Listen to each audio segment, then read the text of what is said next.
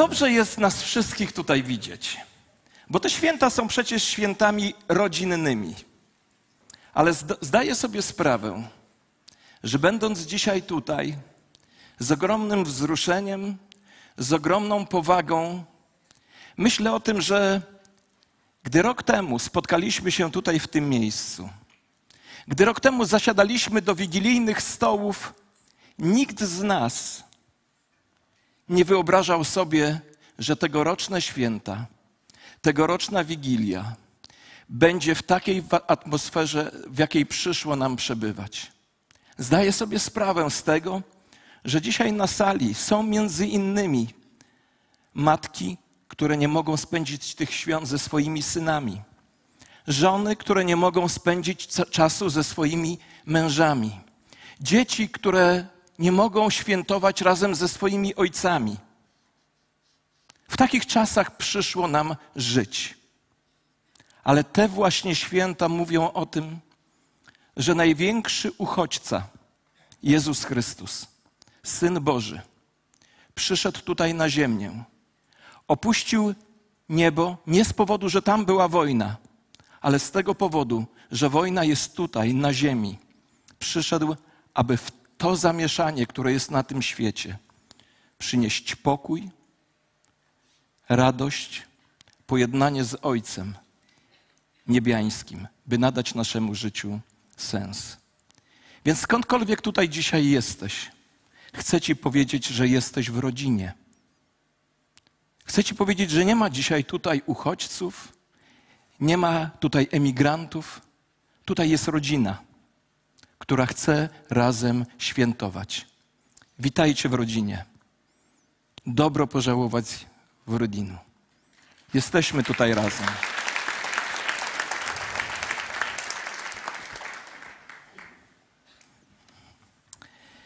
Od kilku dni, a w zasadzie od kilku tygodni, spotykając się tutaj w niedzielę, przypominamy niezwykłe treści adwentowych pieśni, które są zapisane w Piśmie Świętym. Są one zaczerpnięte z Ewangelii Łukasza, z tej Ewangelii, która tak wiele mówi o pierwszym przyjściu Pana Jezusa Chrystusa. W pierwszej, pierwszej niedzieli mówiliśmy o pieśni Benedictus, pieśni wyśpiewanej przez Zachariasza, ojca Jana Chrzciciela. Kolejnej niedzieli mówiliśmy na temat pieśni Magnificat, pieśni Marii, mamy Pana Jezusa Chrystusa. Tydzień temu mówiliśmy z pieśni Glory in Excelsis, pieśń aniołów.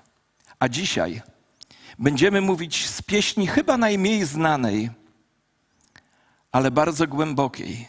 Pieśni Symeona po łacinie Nus Dimittis. Ale pozwólcie, że chciałbym dzisiaj zachęcić nas, byśmy na chwilę przenieśli się do tamtych czasów. Dwa tysiące lat temu. I zadali sobie pytanie, czy gdyby Jezus narodził się dzisiaj, czy by było inaczej niż dwa tysiące lat temu? Nie wiem, czy się kiedykolwiek nad tym zastanowiliście. Ja się zastanawiałem i w głębi serca lubię myśleć, że dzisiaj byłoby inaczej. Bo mówiąc tak, Chcę sobie powiedzieć, że bylibyśmy bardziej przygotowani, że jesteśmy bardziej gotowi, że nie popełnimy błędu, ignorując Syna Bożego. I myślę, że wielu z nas tak myśli.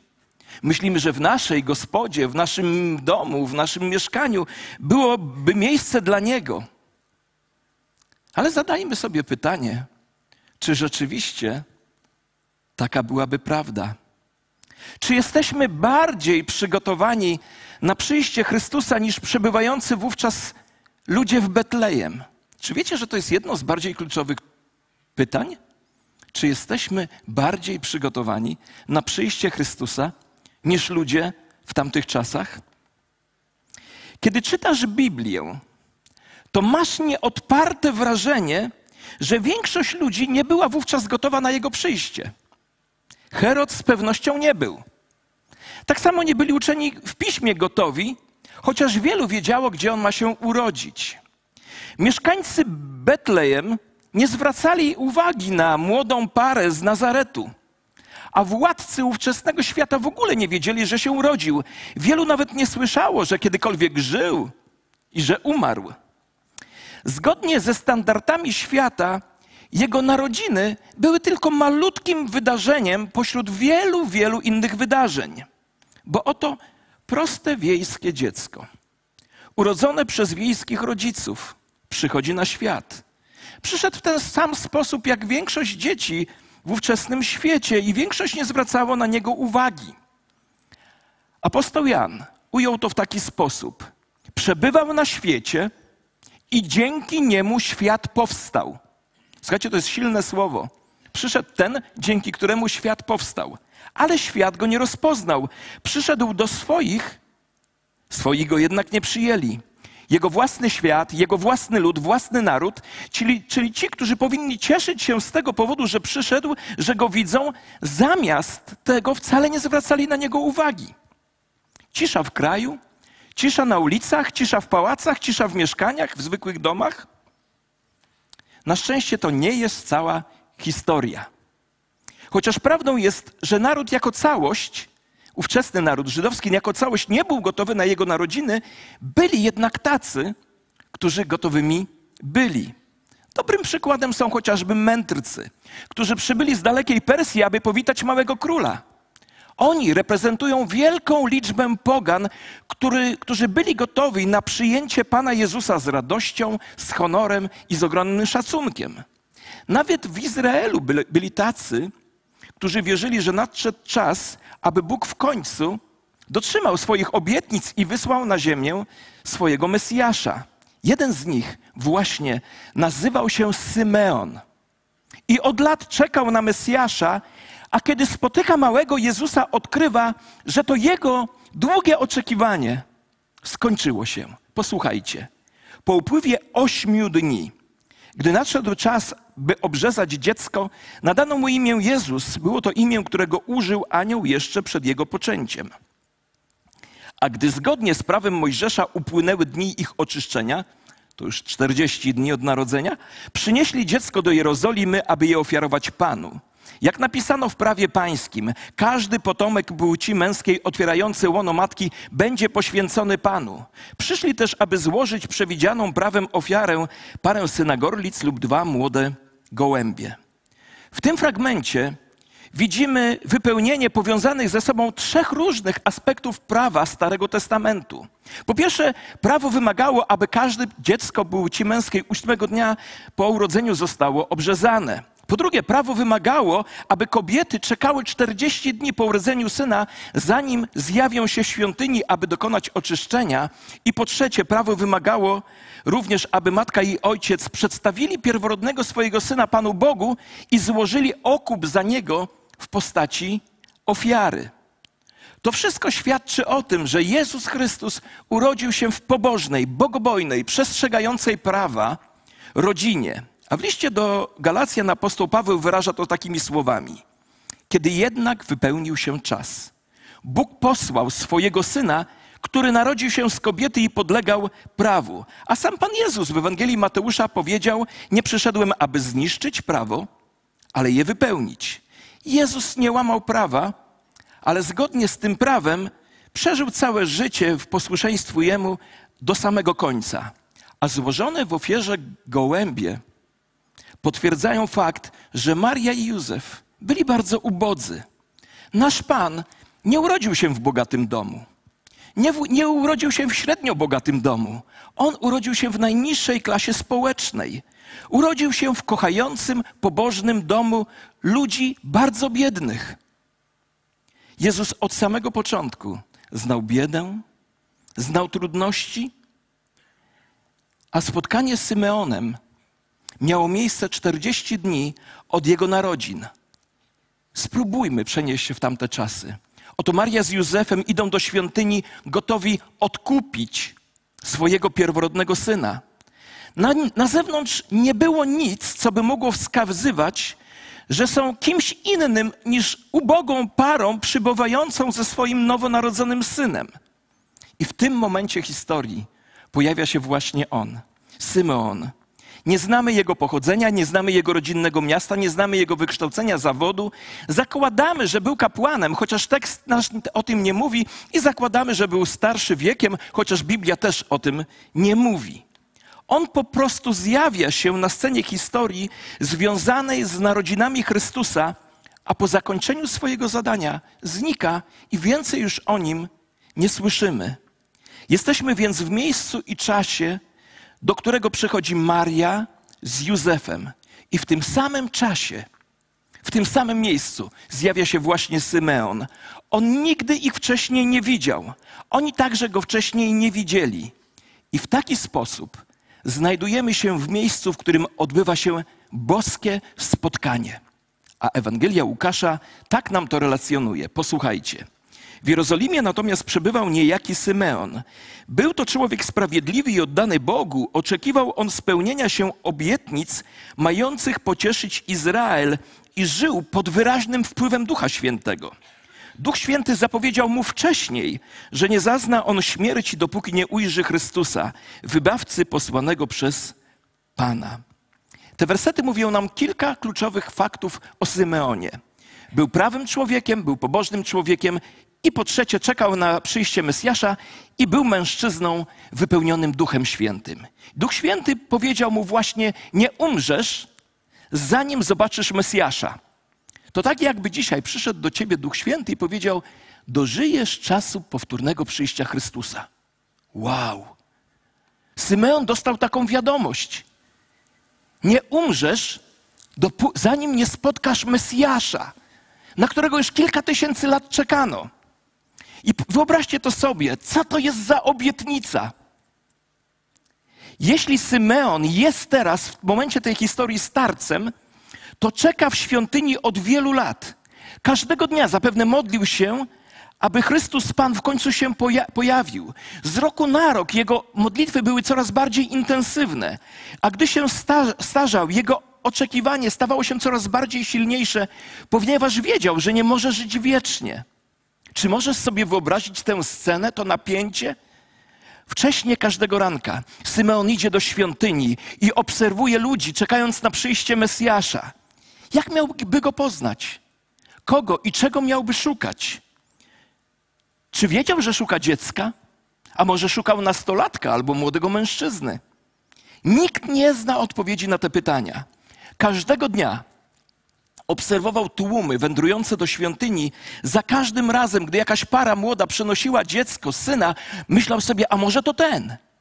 Gdy zobaczył nastolatka przychodzącego do, do świątyni, pytał: Boże, czy to nie ten, czy może ktoś inny? Każdego dnia obserwował, patrzył i czekał. Każdego dnia odpowiedź od Boga była taka sama: To nie jest ten, szukaj dalej, oglądaj dalej, czekaj dalej. I oto nadchodzi Maria. Trzymając dziecko w swoich ramionach z Józefem u boku, Jezus ma zaledwie 40 dni. Nigdy wcześniej nie było bardziej nieprawdopodobnej pary jak ta. On jest biednym stolarzem z Nazaretu, a ona biedną dziewczyną niosącą małego chłopca. Najprawdopodobniej po pierwszym spojrzeniu drugi raz już nie, zwróciłbyś, nie zwróciłabyś na nich uwagi. On niewykształcony, ona nie, nie, nie z górnej półki. Kiedy więc Symeon widzi dziecko, może po raz dziesięciotysięczny, zadaje sobie pytanie, czy to ten? I wyobraźcie sobie tę scenę. W tym momencie Duch Święty mówi do niego: To jest ten, to jest ten, to jest ten jedyny. Wiecie, ja sobie wyobrażam, jak serce Symeona musiało zacząć walić. Tyle lat czekania i nagle to jest ten. Długie dni oczekiwania w końcu się skończyły. Chrystus Pan jest przed nim. Ten, na którego czekał cały naród, jest przed jego oczami. Podchodzi do Marii i przedstawia się i mówi: Czy masz coś przeciwko, jeśli będę trzymać Twoje dziecko? I gdy Maria daje, daje mu małe niemowlę, Symona, Symeona uderza myśl: Trzymam w swoich rękach zbawienie świata trzymam w swoich rękach zbawienie świata. I wówczas, pod wpływem tej chwili, z jego serca wybrzmiewają słowa, które ja nazwałem pieśnią spełnienia. Tak naprawdę Ta wypowiedź Symeona składa się z dwóch części, z której pierwsza jest pieśnią, a druga jest osobistym proroctwem Symeona skierowanym do Marii. Ale zacznijmy od pieśni. Teraz, władco, zgodnie z Twoimi słowami, pozwalasz swojemu słudze odejść w pokoju, gdyż moje oczy zobaczyły Twoje zbawienie, które przygotowałeś wobec wszystkich ludów, światło objawienia dla pogan i chwałę Twego ludu Izraela. Pierwszą myślą, jaką mam Symeon, jest myśl: Jestem gotowy na śmierć. Jestem gotowy odejść. Wiecie, on używa ciekawego słowa. To słowo odejść jest słowem żołnierskim. To jest słowo, które pochodziło stąd, kiedy wartownik czekał całą noc, pilnował straż, w końcu zabłysła jutrzenka, jego warta się skończyła, dokończyło się wszystko. Wtedy szedł do dowódcy, mówiąc, że już jest gotowy odejść. I Symeon właśnie ma taką gotowość. Zakończył się czas oczekiwania. On gotowy jest odejść, by powrócić do koszar. Jest gotowy wrócić do nieba, ponieważ jego oczy widziały Mesjasza. Tak się czuje Symeon. Jego długie oczekiwanie wreszcie się skończyło. Jego warta została zakończona, ponieważ trzyma w rękach i patrzy oczami na Chrystusa Pana. On wie, że nie będzie świadkiem dorastania Jezusa. Wie, że nie ujrzy żadnego Jego cudu. Wie, wie, że nie zobaczy Go stojącym przed Piłatem. Może nawet sobie tego nie uświadamia najprawdopodobniej. Nie będzie świadkiem ukrzyżowania, nie będzie świadkiem zmartwychwstania, ale to nie ma znaczenia, że nie będzie naocznym świadkiem tych wydarzeń, ponieważ trzymając w rękach widział początek i Jemu to wystarczy. I Jemu to wystarczy. Zwróćmy uwagę na to, co mówi o Jezusie, bo trzymając go w ramionach, mówi trzy bardzo ważne rzeczy o tym, kim jest Jezus. Po pierwsze, on jest chwałą Izraela. To znaczy, że pielęgnowane przez lata nadzieje narodu żydowskiego i noszone przez nich na przełomie historii oczekiwania spotkały się w nim, w Jezusie Chrystusie. Po drugie, i to jest niesamowite, on jest zbawicielem świata i światłem objawienia dla pogan. I wiecie, to jest myśl zupełnie nowa. Nie znajdziesz tej myśli w innych omawianych przez nas pieśniach. W żadnej z poprzednich pieśni poganie nie są wymienieni. Symeon wyraźnie mówi, że to dziecko będzie nie tylko chwałą jego własnego ludu Izraela, będzie także światłem objawienia dla nas, pogan. On jest nie tylko dla Izraela. Nie przyszedł tylko dla ich korzyści. Przyszedł, by rzucić światło objawienia Bożego dla każdego narodu, dla każdego plemienia, dla każdego języka. Żydzi nie mogli powiedzieć, on należy tylko do nas i wy poganie nie możecie go mieć. Nie mogli też powiedzieć, musisz zostać najpierw Żydem, aby cieszyć się korzyściami płynącymi z Mesjasza.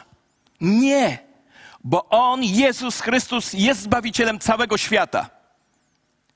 Bogaty i biedny, młody i stary, czarny, żółty, czerwony, biały, bogaty, biedny, poganin, Żyd, zdrowy, niepełnosprawny, wszyscy ludzie są objęci zbawiennymi błogosławieństwami. A czy wiesz, co to oznacza dzisiaj dla ciebie? Co ta myśl znaczy dla ciebie? Oznacza to, że jest dla ciebie i dla mnie nadzieja.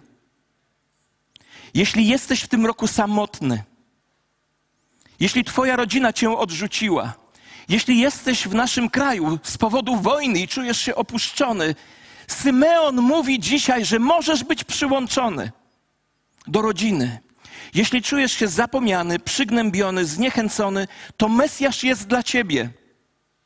Niezależnie od tego, jakie grzechy powstrzymują cię w te święta, przyjście Mesjasza oznacza, że można tobie przebaczyć, bez względu na to, jakiego grzechu się dopuściłeś, dopuściłaś. Ponieważ Jezus przyszedł dla ciebie ponieważ Jezus przyszedł do ciebie. To prawda, że on był Żydem, ale przyszedł nie tylko dla Żydów. Spotkał Samarytankę przy studni i jej wybaczył. Spotkał rzymskiego setnika i powiedział: Nie znalazłem takiej wiary nawet w Izraelu. Poznał kobietę z Syrofenicji i uzdrowił jej córkę. A kiedy był ukrzyżowany, to rzymski setnik powiedział z pewnością: Ten był synem Bożym. W tym wszystkim Symeon chce powiedzieć nam coś bardzo kluczowego. Bóg, wysyłając swojego syna na ziemię, nie tylko wypełnia swoje obietnice dla narodu żydowskiego, on przynosi całemu światu zbawienie. Gdy Maria i Józef byli zachwyceni słowami tej pieśni, Symeon zwraca się osobiście do Marii, by przekazać jej osobiste prorocze słowo, w którym mówi kolejną, trzecią rzecz o Jezusie Chrystusie. I posłuchajcie tego uważnie. On jest chwałą Izraela, on jest zbawieniem pogan i po trzecie, on jest wielkim dzielnikiem ludzkości. On jest wielkim tym, który dzieli ludzkość na dwie części. Oto ten został ustanowiony, aby być powodem zarówno upadku, jak i podźwignięcia się wielu ludzi w Izraelu oraz jako znak, o który będą się spierać. W ten sposób wyjdą na jaw zamysły wielu serc. Przy tym też Twoją własną duszę przeszyje miecz cierpienia. Inaczej mówiąc, Symeon mówi tak: Mario, wiem, że teraz jesteś szczęśliwa, ale będziesz płakać później. Dzisiaj Twoje serce jest pełnie, pełne radości, ale później będzie wypełnione smutkiem. Raduj się i ciesz teraz, ponieważ w przyszłości nadejdą ciemne dni. Czyż nie jest prawdą, że jeśli jesteś rodzicem, najgorsze, co może ci się przydarzyć, to zobaczyć, jak cierpią Twoje dzieci? Nikt z nas tego z rodziców nie chce. Ja mam nawet taką specjalną modlitwę, którą wznoszę co dzień do Boga. Większość z nas zrobi wszystko, aby zaoszczędzić cierpienia swoim dzieciom, aby zaoszczędzić cierpienia niepotrzebnego bólu dzieciom. Chętnie cierpimy sami, jeśli to ułatwi życie naszym dzieciom. To właśnie oznacza być mamą lub tatą. Sam bierzesz ból, aby twoje dzieci nie musiały cierpieć. Symeon mówi tak: Mario, zadadzą ból twojemu dziecku, a ty nie będziesz w stanie nic z tym zrobić. Będą go nienawidzieć, będą kłamać na jego temat. Będziesz musiała stać bezradnie i patrzeć, jak się to będzie działo. I ostatecznie to wszystko się wypełniło. W końcu zakwestionowali nie tylko jego pochodzenie, ale także jego zdolności umysłowe, zakwestionowali jego duchowość, posadzając go o opętanie demoniczne. I w końcu nienawiść przejęła kontrolę, więc aresztowali Jezusa, postawili go przed sądem, oskarżając go o bluźnierstwo, a następnie skatowali go bezlitośnie i skazali na śmierć. A Maria? A Maria stała przy krzyżu i patrzyła, jak jej syn umiera w bolesnej, brutalnej, krwawej i nieludzkiej śmierci. Pośród smrodu, bluźnierstw, krwi, Maria stała przy swoim synu bez możliwości zatamowania krwi, bez możliwości wytarcia jemu potu, bez możliwości trzymania go w tej chwili za rękę. Wszystko stało się dokładnie tak, jak to przewidział Symeon. Kiedy Maria patrzyła, jak jej syn umiera, miecz przeszył jej duszę. Kochani, od samego początku nad kołyską Jezusa stał krzyż. To małe dziecko urodziło się po to, by umrzeć. Powiecie, wszystkie dzieci się rodzą po to, żeby kiedyś umrzeć. Ale to jedno dziecko urodziło się po to, aby umrzeć za nas, choć nie musiało się w ogóle rodzić, ale żyć w wieczności. Radość Bożego Narodzenia zawsze musi nas prowadzić do agonii Wielkiego Piątku i potem do niedzieli zmartwychwstania. Urodził się, aby skończyć w ten właśnie sposób. Czy zauważyliście, jak Symeon to ujął? Z powodu Jezusa wyjdą na jaw zamysły wielu serc. Posłuchajmy tego uważnie. Nikt nigdy nie może stanąć twarzą w twarz z Jezusem Chrystusem i pozostać taki sam. Za każdym razem, kiedy zobaczysz Jezusa, albo będziesz się do Niego zbliżać, albo od Niego uciekać. to właśnie oznaczają słowa Symeona, gdy mówi, że Jezus spowoduje powstanie i upadek wielu. Bo kiedy go spotykasz, to albo podążasz za nim, albo idziesz w drugą stronę, w górę lub w dół, do życia wiecznego lub do wiecznej śmierci. Ludzie powstają lub upadają zgodnie z, z, osobistą odpowiedzią na to, co Jezus zrobił dla nich na krzyżu. Wiem, że to zabrzmi, to co powiem, zabrzmi radykalnie. Ale na tym świecie są tylko dwie klasy ludzi: ci, którzy ufają Jezusowi Chrystusowi i ci, którzy Jemu nie ufają. Ci, którzy wierzą w Jezusa Chrystusa i ci, którzy w Niego nie wierzą. I nie ma środka. Nie ma pasa granicznego, na którym można byłoby się usadowić. W dobie humanizmu świeckiego wiem, że mogę zostać posądzony o nietolerancję. Ale czyż byłoby nietolerancją, gdybym wiedział, że na Wiśle został złamany most i samochody jadą, a ja bym powiedział, no wiecie, podejmijcie decyzję, tam jest. To nie jest nietolerancja, to jest poważne ostrzeżenie. Modnym dzisiaj jest nazwanie Jezusa dobrym człowiekiem, wspaniałym przykładem moralnym. Ostatnio jeden z wielkich artystów powiedział, że dla niego jest on największym filozofem. I to wszystko jest prawda. Ale Symeon mówi, że na tym nie można pozostać. Musisz podjąć osobistą decyzję dotyczącą Jezusa. Albo jest synem Bożym z nieba, albo nie. Słuchajcie, jeśli Jezus nie jest tym, za, kim, za kogo się podawał, to jest największym oszustem w historii ludzkości, największym zwodzicielem.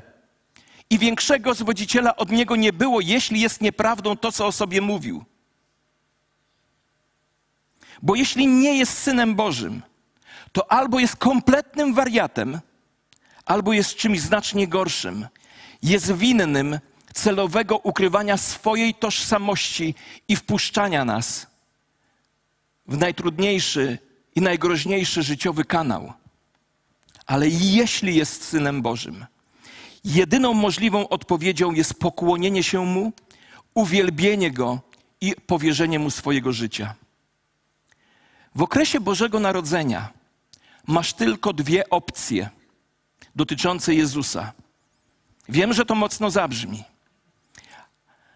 Masz dwie opcje. Albo dołączysz do Heroda, próbując się pozbyć Jezusa ze swojego życia, albo dołączysz do mędrców, oddając mu pokłon i czcząc go. Nie ma nic pomiędzy. Nie ma nic pomiędzy. Pamiętaj, że nawet jeśli jesteś obojętny, to naprawdę dołączyłeś do grona tych, którzy chcą go wykasować ze swojego życia. Kim więc dla ciebie jest Jezus? On jest życiem lub śmiercią. On jest niebem lub piekłem. On jest radością lub smutkiem, on jest oskarżycielem lub przebaczeniem, on jest zbawieniem lub potępieniem, on jest życiem wiecznym lub wieczną karą. Pozwólcie, że raz jeszcze zadam to pytanie.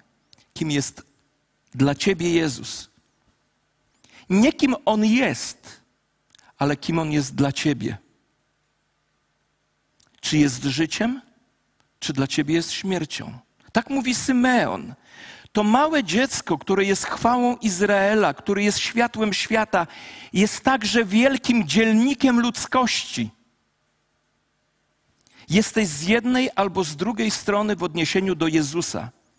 Nikt nigdy na zawsze nie pozostaje w środku pomiędzy. Sposób, w jaki reagujesz na Jezusa, ujawnia to, co jest w Twoim sercu. Pomyśl o tym. Sposób, w jaki odpowiadasz Jezusowi, mówi o, nam o tym, kim jesteś i co jest w Twoim sercu. Ale to nie wszystko. Sposób, w jaki reagujesz na Jezusa, mówi nam, dokąd idziesz i jak się tam dostaniesz. A przede wszystkim, sposób, w jaki reagujesz na Jezusa, mówi nam o tym, gdzież zamierzasz spędzić wieczność. Jezus jest wielkim dzielnikiem ludzkości. Czy to nie sam Jezus powiedział? Przynoszę niepokój, ale miecz? Symeon, wiedział o tym od początku. Najpierw był Herod i mędrcy. Jeden próbował go zabić, a inni go czcili. Później był Piotr, który żałował i Judasz, który popełnił samobójstwo. Później był Piłat, który próbował umyć ręce i centurion rzymski, który powiedział z pewnością, ten jest Synem Bożym. Po jednej stronie był złodziej, który bluźnił, po drugiej stronie był ten, który uwierzył. Od początku swojego życia aż do jego końca Jezus dzielił ludzkość. Kim jest więc On dla ciebie dzisiejszego poranka? Kim On jest dla Ciebie dzisiejszego poranka. Kiedy Symeon wziął małego Jezusa w swoje ramiona, powiedział: Panie, jestem teraz gotowy, aby wrócić do domu, mogę umrzeć w pokoju. Ale prawda jest taka, że nikt z ludzi nie jest gotowy umrzeć, dopóki nie zobaczył Jezusa Chrystusa oczami wiary. Nie jesteś gotowy na śmierć, dopóki go nie zobaczysz. Nie jesteś gotowa na śmierć, dopóki go nie zobaczysz, nie poznasz, nie zaufasz mu jako swojemu zbawicielowi. A gdy go zobaczysz, śmierć już nie jest wrogiem. To prawda, że możesz w swoim życiu dojść do końca nie odnosząc wielkich sukcesów. Możesz żyć w jakiejś frustracji, ponieważ nie osiągnąłeś, nie osiągnęłaś jakichś swoich osobistych celów. Ale posłuchaj tego. Jeśli dochodzisz do końca swojego życia i możesz powiedzieć: Widziałem, widziałam Chrystusa Pana, to znaczy, że miałeś, miałaś dobre życie, które się nie kończy. Jeśli dojdziesz do końca i nigdy nie widziałeś, nie widziałaś Jezusa, w zasadzie zmarnowałeś, zmarnowałaś swoje życie tutaj na ziemi. On jest wielkim dzielnikiem ludzkości. Każdy, kto dziś słucha tych słów, jest po jednej albo po drugiej stronie, bo jedynie, jedyne, co się liczy, to Jezus. Na koniec jedyne, co się liczy, to poznać Jezusa Chrystusa. To są święta Bożego Narodzenia. Czy go znasz? On jest Mesjaszem Izraela. Znasz go? On jest Zbawicielem świata. Znasz go? On jest wielkim dzielnikiem ludzkości. To jest Boże Narodzenie. On przyszedł do ciebie. A pytanie brzmi, czy go znasz? Wiecie, kiedyś opowiadano mi historię bardzo dawno temu. W pewnym kościele odbywało się świąteczne nabożeństwo. I na sali był jakiś ubogi człowiek. I prowadzący nabożeństwo zobaczył go i powiedział: czy chciałbyś podzielić się Bożym Słowem z nami? Bo widział, że trzyma Biblię w jego rękach, w swoich rękach. Zaproszono więc go, stanął przed ludźmi, trzymał Biblię w swoich rękach, a wiecie, co widziała sala? Sala doświadczyła cudu. Sala miała wrażenie, że on nie trzyma Słowa Bożego zapisanego, Sala miała wrażenie, że trzyma w swoich rękach wcielone Słowo Boże Jezusa Chrystusa. Dzisiaj Bóg przed każdym z nas stawia swojego Syna Jezusa Chrystusa. Czy go widzisz? Czy mu zaufasz? Kim on jest dla ciebie? Czy znajdzie dzisiaj miejsce w Twoim i moim sercu? To jest treść Bożego Narodzenia. To jest przesłanie Symeona, bo Jezus Chrystus jest wielkim dzielnikiem ludzkości pragnąc zawsze, żeby wszyscy ludzie stanęli po Jego stronie, a więc pragnąc także Twojego i mojego zbawienia, pochylmy nasze głowy w modlitwie.